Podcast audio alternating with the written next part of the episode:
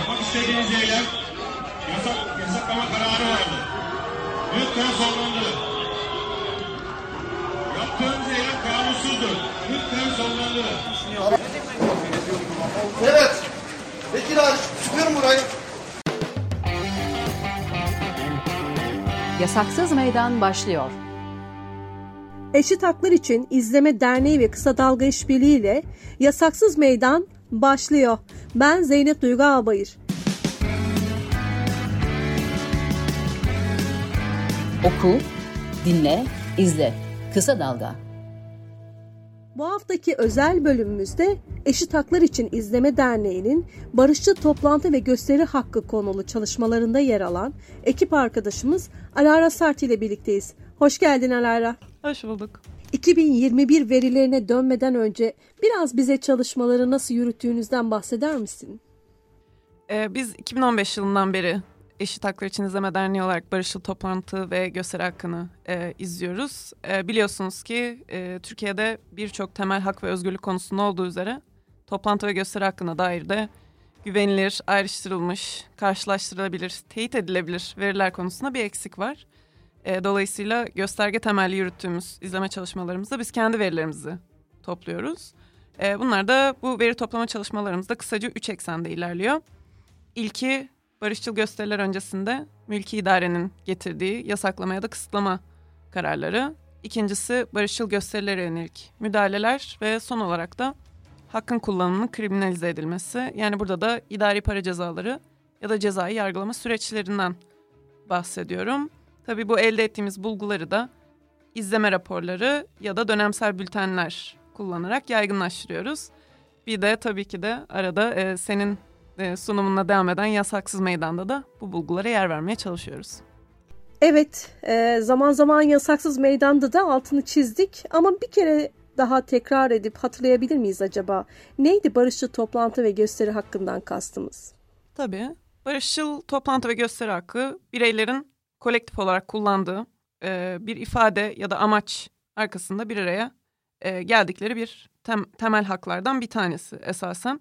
Hem Türkiye'nin taraf olduğu uluslararası sözleşmelerde hem de anayasanın 34. maddesiyle güvence altına alınmış olan bir hak. Anayasada çok net bir şekilde şöyle diyor. Herkes önceden izin almaksızın silahsız ve saldırısız toplantı ve gösteri yürüyüşü düzenleme hakkına sahiptir. Öte yandan hakkın kullanımını düzenleyen e, temel kanun 2911 sayılı toplantı ve gösteri yürüyüşleri kanunu. E, burada da tam tersi bir durum söz konusu. Bu kanun tamamen kısıtlayıcı bir bakış açısıyla düzenlendi ve böyle uygulanıyor. Aynı zamanda anayasadaki ne oradaki geniş çerçeveyi yansıtıyor ne de insan hakları standartlarıyla e, herhangi bir uyumu söz konusu. E, böyle özetleyebilirim belki. Peki 2021 verilerine dönelim isterim. Nasıl geçti bu yıl toplantı gösteri hakkı için? Ee, kısa bir değerlendirmeyle başlamamız gerekirse e, bir süredir olduğu üzere toplantı gösteri hakkının korunması ve kullanımı konusunda anlamlı bir gelişme yaşandığını söylemek mümkün değil. Ee, geçen yıl olduğu üzere Covid-19'da bu yılın insan haklarını, insan hakları gündemini pardon epeyce meşgul etti. Ee, ama şöyle bir durum var bu yıl. Ee, Covid-19 tedbirlerinin azaltılmasına rağmen ya da insanların toplu olarak bulunduğu ya da faaliyet gösterdiği alanlardaki kısıtlamaların azalmasına rağmen pandemi gerekçesiyle barışçıl toplantı ve gösteriler e, engellenmeye ya da bu hak kısıtlanmaya e, devam edildi. E, dolayısıyla pandemi tedbirleriyle birlikte aslında son iki yıldır süren bir tartışma da var. Bu da e, pandemi tedbirlerinin niteliği itibariyle insan haklarına müdahale teşkil eden bir uygulama olması ve bu uygulamaların ne kadar hukuki olduğu. Yani bu soru da aslında bizi 2021 yılı verilerimizin ilk bölümüne getiriyor biraz. Bu sorunun cevabı ilk bölümde de e, bulabiliriz. Yani bunlar da mülki idarenin barışçıl toplantı ve gösteri hakkını kısıtlayan kararları. O zaman mülki idarenin kararlarından bahsedelim. Tabii burada da zaman zaman konuştuk aslında. Biliyorsunuz ki kanunlarda mülki idareye barışçıl toplantı ve gösteri hakkı konusunda çok geniş ve muğlak yetkiler veriliyor. Ama bu yetkilerin keyfi olarak uygulamaya geçirilmesini engelleyen herhangi bir hüküm kanunlarda mevcut değil. Bu da bahsettiğim yetkilerin adeta sınırsızmışçasına ve ayrımcı şekilde uygulanması sonucunu doğuruyor.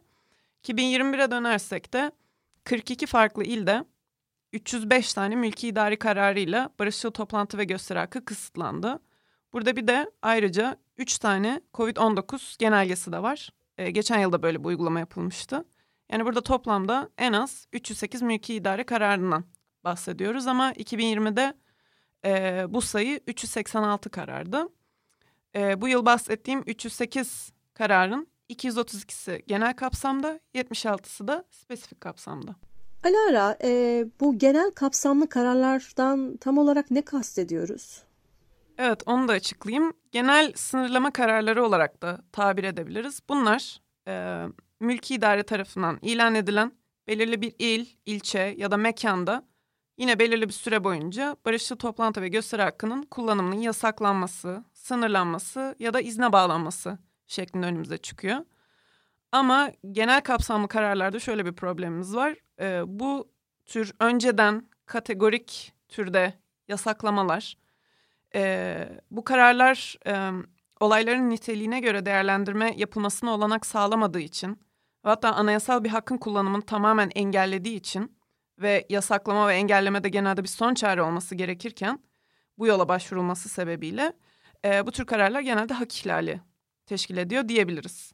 E, dediğim gibi 2021'de en az 36 ilde 232 pardon 232 genel sınırlama kararı ilan edildi. Bu kararlardan 162'si yasaklama şeklinde, 13'ü izne bağlama, 55'i de hem yasaklama hem de izin içerikli kararlar. Bir de bu kararların %80'i ne 15 günlük kararlar e, oluşturuyor. Burada aslında e, önemli bir eğilim ortaya çıktı son birkaç yılda. Bu da tekrarlayan türde kararlar. E, bu şekilde 150 tane e, karar görüyoruz. E, tekrarlayan kararlardan da e, kastım aslında mülki idarenin arka arkaya ilan ettiği genelde belirli bir süre için olmakla birlikte arka arkaya eklendiklerinde uzunca süreler boyunca belli bir il ya da ilçede hakkın kullanımını tamamen kısıtlayan türde kararlar.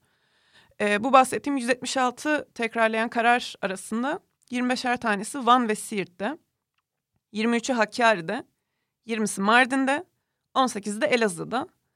E, yine bu tekrarlayan kararların 101'i yasaklama içeriyor, 43'ü de hem izne bağlama hem yasaklama kararları içeriyor. Ve bu türde kasak e, ve bu türde tekrarlayan yasaklamaları özellikle e, Kürt illerinde daha fazla görüyoruz. Bir de bu durumun en ekstrem örneği e, bu yıl tekrar da konuşulmaya devam edildi aslında. Van'da 21 Kasım 2016'dan beri kesintisiz olarak devam eden yasaklama kararları. E, bunların sonuncusu aslında 12 Ocak 2022'de e, ilan edildi. Hani madem bu dönemde çekiyoruz. E, dolayısıyla bu kararın bitişi itibariyle Van'da toplantı gösteri hakkının kullanımı toplam 1895 gündür kesintisiz olarak yasak. Yani bu da 5 yıl, 2 ay ve 8 gün ediyor. Van Barosu bu kararlara karşı en az 14 tane iptal davası açmıştı ama idare mahkemeleri bu kararların demokratik bir toplumda gerekli olduğu ya da ölçülülük kriterlerini karşıladığı gibi gerekçelerle bu başvuruları reddetti. Dolayısıyla bu dosyalar önce Erzurum Bölge İdare Mahkemesi'ne oradan da AYM'ye taşındı. Ee, birkaç tane daha örnek verebilirim aslında. Ee, mesela Siirt'teki yasaklamalar 10 Şubat 2020'den beri kesintisiz olarak devam ediyor. Ee, 2021'in sonuna kadar toplam 40 tane yasaklama kararı ilan edildi. Ve Siirt'te il genelinde hakkın kullanımı toplam 705 gün boyunca kesintisiz olarak yasaklandı. Hakkari'dekiler ise 6 Haziran 2021'den beri kesintisiz olarak devam ediyor. Burada da toplam 38 yasaklama kararıyla e, toplam e, yasak süresi 573 güne e, uzatıldı.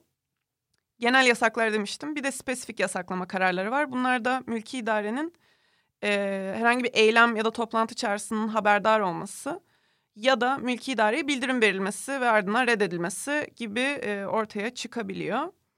E, burada e, 28 tane e, kararla en fazlası İstanbul'da. Toplam 26 ilde 76 tane spesifik yasak kararı ilan edildi 2021'de.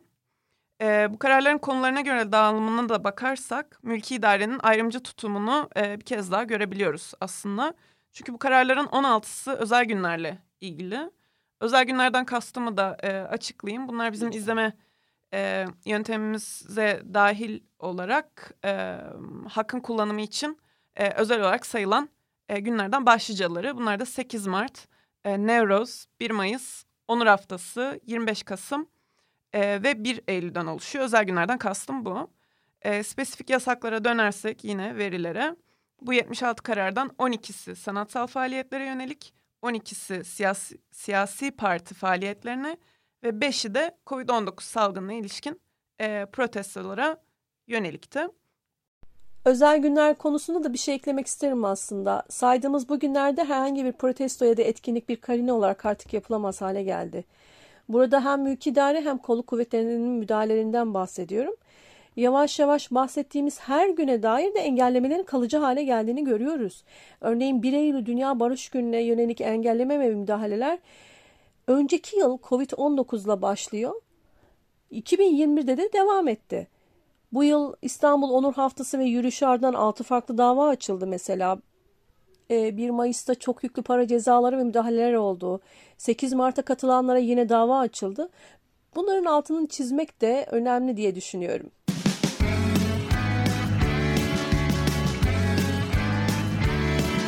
Kulağınız bizde olsun. Kısa Dalga Podcast.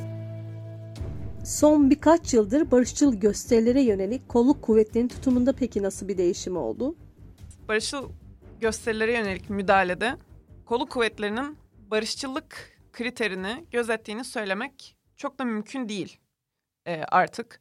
E, giderek hem müdahalelerin sayısında hem de müdahalede kullanılan şiddetin boyutunda e, bir artış görüyoruz. E, 2021'de en az 51 ilde 616 tane barışçıl gösteriye müdahale edildi. Bu müdahalelerde 3000'e aşkın kişi gözaltına alındı. E, bu aslında diğer temel hak ve özgürlükleri de engelleyen bir husus yıllardır yerleşik hale gelmiş e, bir problem alanı. Kolu kuvvetlerinin görevlerini ifade ederken de barışçıl toplantı ve gösteriler esnasında da hak temelli bir yaklaşım sergilediğini de söyleyemiyoruz maalesef.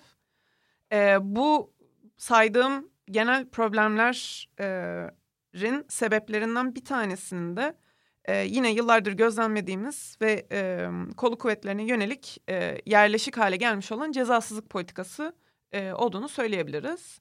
Yine mülki idare için söylediğimiz gibi müdahale edilen barışçıl gösterilerin konularına da baktığımız zaman e, burada da e, biraz ayrımcı bir tutum e, gözlemleyebiliyoruz. Bunun yanında Türkiye'de e, çoğulculuğun, e, demokrasinin kalitesinin, e, hukukun üstünün yani bu ilkelerdeki e, gerilemeyi de aslında e, bu veriler bize e, gösteriyor. E, konulara döndüğümüz zaman en fazla müdahaleye uğrayan gösteri konusu 84 taneyle çalışma yaşamı.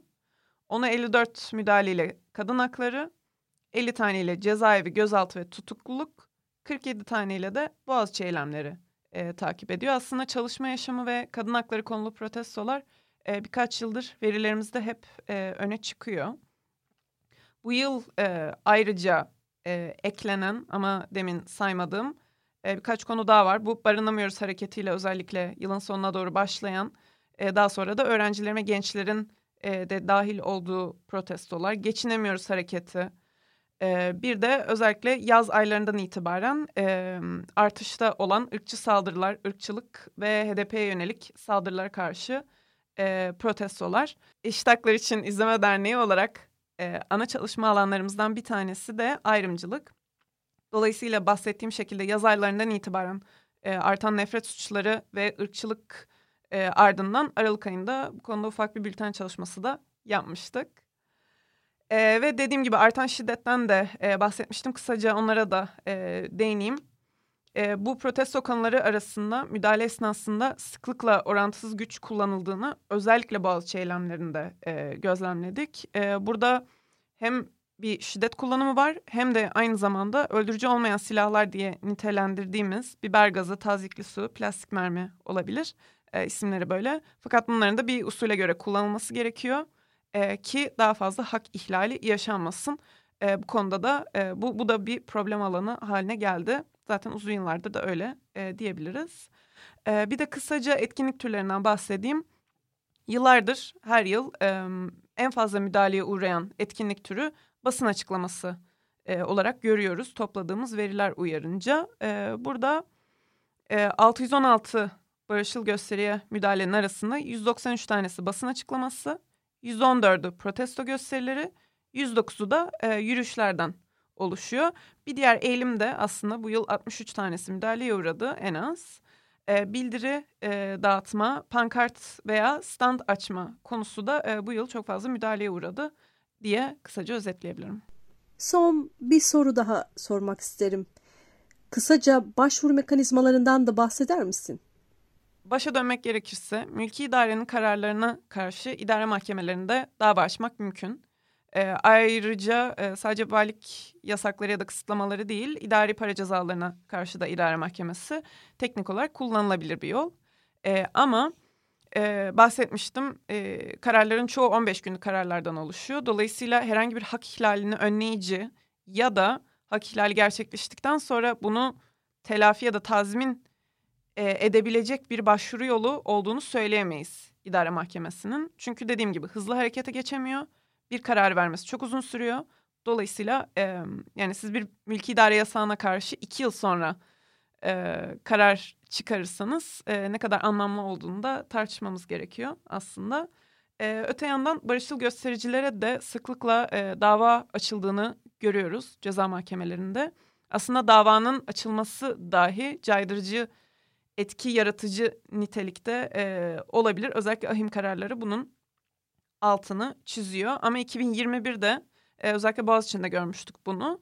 E, başlayan yani tekrar su yüzüne çıkan şeylerden bir tanesi de tutuklamaların 2911'den ya da barışçıl gösteri katılımcılarına e, tutuklama kararlarının çıkması, ev hapsi, elektronik kelepçe gibi e, yöntemlerin e, uygulanması diye burayı da özetleyebilirim.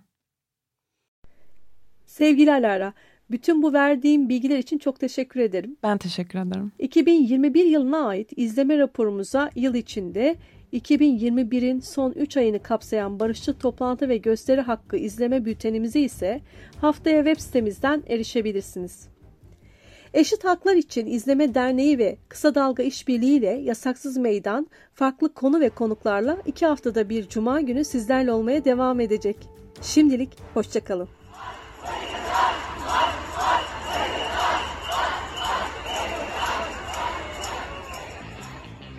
Kısa Dalga podcastleri Demet Bilge Erkasab'ın editörlüğünde Mehmet Özgür Candan'ın post prodüksiyonu ve Esra Baydemir'in hazırladığı görseller ile yayınlanıyor. Kısa Dalga'ya destek vermek için Patreon sayfamızı ziyaret edebilirsiniz.